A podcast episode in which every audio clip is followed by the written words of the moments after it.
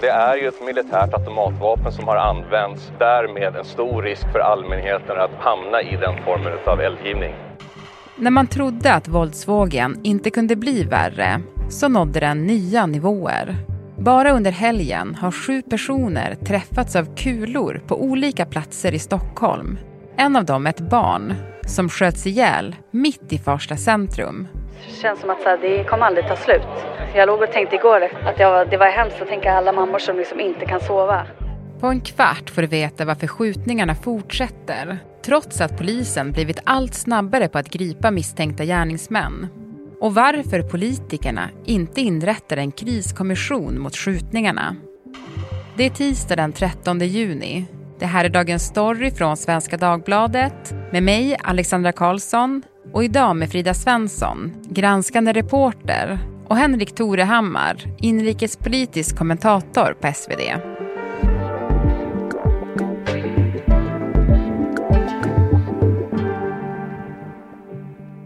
Du Frida, det har ju verkligen varit en mörk helg som vi kommer ifrån. Mm. En otroligt hänsynslös skjutning har ägt rum mitt i Farsta centrum ja. i södra Stockholm.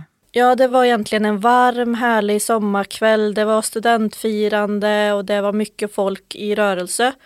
Och från ingenstans så kommer det en röd BMW infarandes. Ut hoppar maskerade gärningsmän och börjar skjuta med automatvapen. Rakt in mot eh, folk och rakt in mot eh, tunnelbanan. Eh, så att det är ju en idyll som bara på några sekunder blir en mardröm. Och folk springer och gömmer sig, tar skydd eller bara försöker lämna platsen i panik. Mm. Och det är då eh, fyra personer som träffas av de här skottsalvorna. Och en 15-åring då träffas så svårt att han avlider eh, väldigt kort därefter. Och idag kom ju uppgifter om att även en man i 45-årsåldern har dött Precis, som jag har förstått det så är det den här mannen i 45-årsåldern och den här 15-årige pojken som träffas i väldigt nära anslutning till tunnelbaneuppgången där.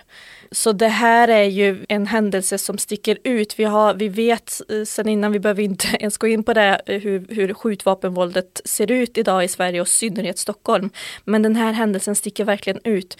Tiden sticker ut, platsen sticker ut, att det blir så många utomstående som, som drabbas helt enkelt. Så att det, det här är en fruktansvärd händelse, verkligen. Mm. Ja, men och som du beskrev där, första centrum är ju verkligen, jag är där ganska ofta själv för jag bor i närheten, och det är ju verkligen ett sånt ställe där väldigt många samlas. Ja, vi pratade med ett vittne, en, en småbarnsmamma som var ute och hade plockat upp lite mat. Eh, hon hinner se gärningsmännen dra iväg i den här röda BMWn och sen bara ser hon människor som ligger eh, framför henne skjutna och människor som gör hjärt och lungräddning. När jag hör beskrivningar om de som var i närheten, jag kan bara likna det med de som var nära eh, terrordådet på Drottninggatan. Mm. Det finns ett vittnesmål från Sveriges Radio Ekot som har pratat med en av de som träffades. Det är alltså en, en kvinna som fick då en ja, hon, hon fick en kula i benet helt enkelt. Vi kan höra lite hur hon beskrev det som hände. När jag låste upp cykeln så gick det av ja, så här fem snabba skott högljutt, brutalt. Och eh, mitt i det där så kände jag, oj, jag är skjuten i knät. Och jag bara släpper cykel och allting och nästa tanke, jag kan inte vara här, jag måste flytta min säkerhet så att jag börjar springa och, och, benet håller så att jag springer 20 meter runt knuten genom en passage och, så att jag har skydd av en byggnad och där lägger jag mig på marken. Ja, det här är ju en person som inte ens riktigt hinner se vad som händer förrän hon själv förstår att hon är skjuten. Det är också, man får ju verkligen den här bilden av att hur en helt vanlig dag på sekunder blir någonting annat. Så, så absolut, det här, den här händelsen blev ju absolut ett sår i just lokalsamhället där. Det märkte man ju dagen efter på minnesstunden. Eh, det var ju oerhört många, framförallt ungdomar då från den här, det här offrets fotbollslag eller eh, klasskamrater som verkligen var i, i djup sorg och lärare som var där nästan under hela dagen. Det var, det var svårt att hålla tårarna borta kan man säga. Ja, men jag tänkte att vi skulle stanna upp lite i det. För det som har hänt nu är ju att ytterligare ett barn har skjutits ihjäl. Mm. Det är alltså en 15-årig pojke som sköts till döds i Farsta centrum i lördags. Du berättade att du var där, det var väldigt många som samlades för att minnas honom. Vem var han? Ja, vi har ju varit i kontakt med eh, nära anhöriga och familj och även med eh, lärare som beskriver honom som en väldigt eh, levnadsglad person. Han var sugen på livet som hans kusin uttryckte det. Väldigt eh, omhändertagande, familjär, eh, älskade sin hund och gillade att spela fotboll och spela spel. Och eh, väldigt eh, omtyckt, eh, karis karismatisk person beskriver man honom som. Mm. Du visar en film som du tog. Ja, på eftermiddagen så hade det samlats väldigt många människor runt eh, ljusen och blommorna som hade lagts eh, där på brottsplatsen utanför tunnelbanestationen. Och då så samlas eh, de närmast sörjande i en ring kan man säga, den innersta ringen. Där de har en mikrofon som de låter då vandra mellan nära vänner och familj. Och, och då är det en ung tjej som verkligen höll ett brandtal där hon också riktade sig direkt mot grabbargäng kan man väl egentligen säga. Att eh, nu står ni här och är ledsna men annars så brukar ni leka coola och eh, det räcker nu. Sluta hata, sluta bråka med varandra, sluta med era pistoler och allting. För jag ser på er alla, ni mår inte bra av det här. Och bara lägg ner det här ni håller på med. Tänk om det hade varit eran mamma som stod här idag och grät. Vem är nästa person? Och jag vet inte hur ledsna ni hade blivit om det var era lillebror. Och sen så var det ju hans närmsta kompisar där då som också eh, uttryckte sin sorg. Det var en kille som, som hade planerat att träffa 15-åringen senare på kvällen. De skulle gå på tivoli. Ja, många av dem hade svårt att, att hålla ihop det helt enkelt när de stod där och pratade utan man bröt ihop efter ett tag. Så det var väldigt starka scener. Mm.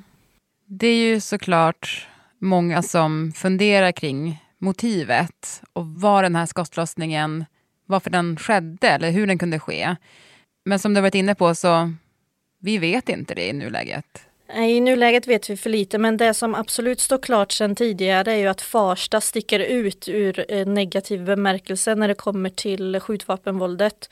Eh, hela liksom, södra Stockholm sticker ut men Farsta, det, det, pågår en röd konflikt där. Så det ingår ju i nätverkskartläggningen nu att se om det här handlar, handlar om det eller, eller inte. Och röda konflikter, det, det är liksom polisord eh, för att att våldsdåd är nära förestående kan man säga. Mm. Det vi vet är att de misstänkta och anhållna har en eh, nätverkskoppling även, även om de inte är dömda för grova våldsbrott sen innan. Men just kring, eh, kring offren här är det fortfarande eh, Ja, jag, jag lånar polischefen Max Åkervalls ord. Det, det är en grumlig motivbild. Mm. Och vi vet ju också sedan den senaste våldsvågen att vi har en situation där man ger uppdrag om att åk till ja men Farsta exempelvis eller Södertälje eller eh, Hagalund i Solna och liksom skjut vem som helst som har en dyr jacka i princip. Som, som har vissa då sådana där kännetecken som man tycker kan verka eh, gängkopplade och skjut bara. Och det kan ju förklara varför vi har en situation där fler utomstående har drabbats. Så det ska man kanske också ha med sig när man tittar på den här händelsen. Mm, ja. Det tog ju ungefär en timme efter den här skottlossningen innan man kunde gripa två personer från polisens sida. Det gick väldigt, väldigt fort. Hur gick det gripandet till? Ja, det verkar som att den här händelsen antingen var den inte så välplanerad eller så var det lite mer impulsartat för man brukar ju se att eh, gärningsmännen har en tryck lägenhet brukar man kalla det för, en plats där man snabbt efter ett brott kan byta kläder, gömma undan, kanske vapen och så. Men här har man ju fortsatt då en flyktfärd då med den här bilen eh, söderut längs E4 och man grips vid Järna ungefär. Och det är ju mycket tack vare att polisen fick då väldigt skarpa iakttagelser från brottsplatsen, att allmänheten ringer in. Eh, man fick detaljer som gjorde att det här eh, gick eh, väldigt enkelt. När jag läser dina artiklar också, Frida, så har jag förstått att polisen börjat arbeta efter lite nya metoder för att lyckas gripa folk så snabbt också.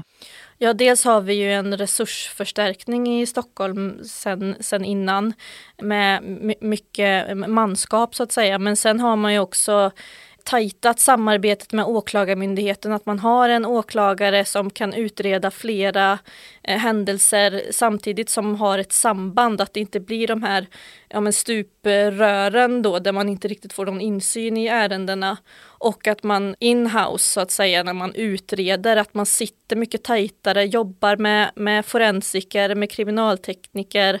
Man är ett team mycket mer än att man ska ja, skicka iväg en mobiltelefon på analys och vänta flera veckor på att få svar, utan man jobbar mer synkroniserat och framför allt snabbare. Eh, nu får de ju eh, analyssvar på vapen bara inom 24 timmar i bästa fall med NFC som går tungt och jobbar nattskift och, och kan skicka de här analyssvaren. Så att man får den här tempoväxlingen, den här starten eh, i utredningarna som man absolut inte har gjort innan. Jag menar, om, om man kan väl se nu att, att polisen också lyckas gripa fler, men våldet fortsätter ju. Så det är ju liksom inte lika med att det försvinner då. Nej, det beror ju på att vi har då flera röda konflikter i Stockholmsområdet. Så att även om man lyckas halvsläcka en väldigt stor eld så finns det ändå bränder. Mm. Så att det är ett svårt läge men det jag ser av polisarbetet är ju något som man inte har sett tidigare. Eh, enligt polischefen då Max Åkervall som höll presskonferens igår. Han menar ju på att det är 15 åtal på gång nu vid midsommar och sen motsvarande antal kommer under hösten också. Så 30-40 åtal kopplade till våldsvågen.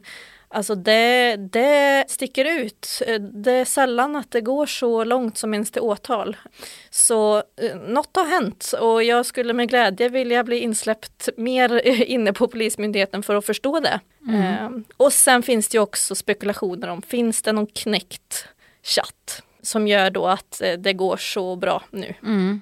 För till exempel då när man knäckte Encrochat eller Sky ledde ju till många åtal. Precis, finns det, finns det en sån, ett sånt försprång nu?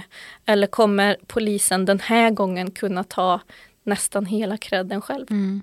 Du, tack så jättemycket Frida. Du ska få gå iväg och jobba vidare. Tack. Nu Henrik Torehammar har du kommit in i studion. Hallå. Hej. Du, det här är ju en enorm tragedi för de som drabbas och det borde ju klassas som ett nationellt trauma, det som händer nu med de här skjutningarna. Och det blir liksom bara värre och värre. Konkret då, vad gör regeringen för att stoppa den här utvecklingen? Ja, justitieminister Gunnar Strömmer var med i Agenda i helgen och han sa ju att den här regeringen valdes för att komma till rätta med de här problemen. Man har börjat med stora reformer utav hela rättsväsendet. Och det här kanske man känner igen också från tidigare regeringar som också pratat om att vi har skärpt straffen och tillfört mer resurser. Nu pekar Gunnar Strömmer på till exempel att om man fördubblar straffen för att inneha vapen så kan det bli ett sätt att få undan kriminella från gatorna. Men till exempel som andra påpekat är frågan vart ska alla människor sättas för kriminalvården har inte kunnat byggas ut i samma takt så det är mycket flaskhalsar i systemet. Mm. Det har ju funnits blocköverskridande samtal kring gängkriminaliteten eh, där man ville hitta då en lösning tillsammans. Men 2019 så hoppade då MKDL av de samtalen. Det jag tror många tänker idag, eller det jag tänker idag i alla fall, är ju liksom när vi har det här läget som vi har just nu, alltså att barn skjuts ihjäl på öppen gata, att du inte kan gå i liksom ett centrum utan att vara rädd för att bli liksom skjuten. Varför går inte bara politiker från höger till vänster tillsammans och liksom sätter sig i ett rum och bara innan vi har liksom kommit överens om hur vi ska stoppa det här så lämnar vi inte det här rummet? jag tror att du har helt rätt, det är många som känner så.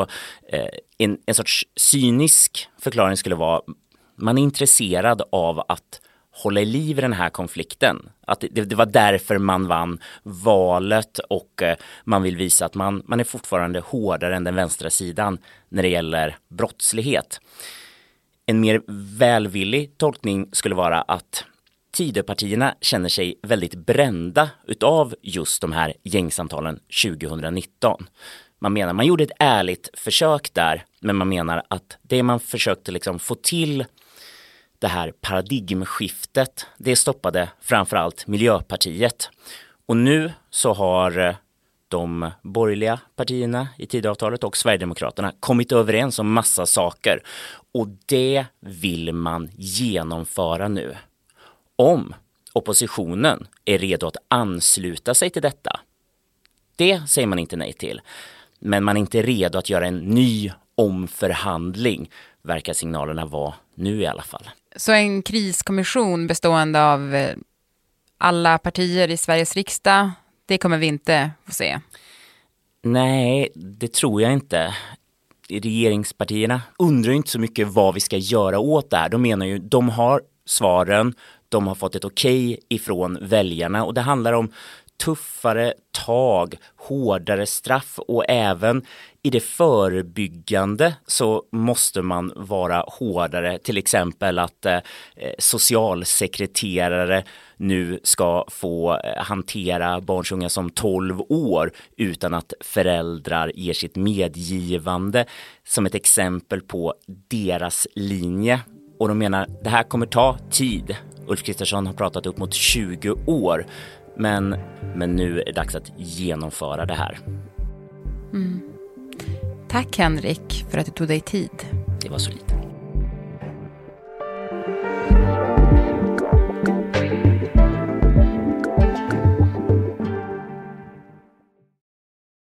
Programmet idag producerades av Moa Larsson, redaktör var Stina Fischer och jag heter Alexandra Karlsson.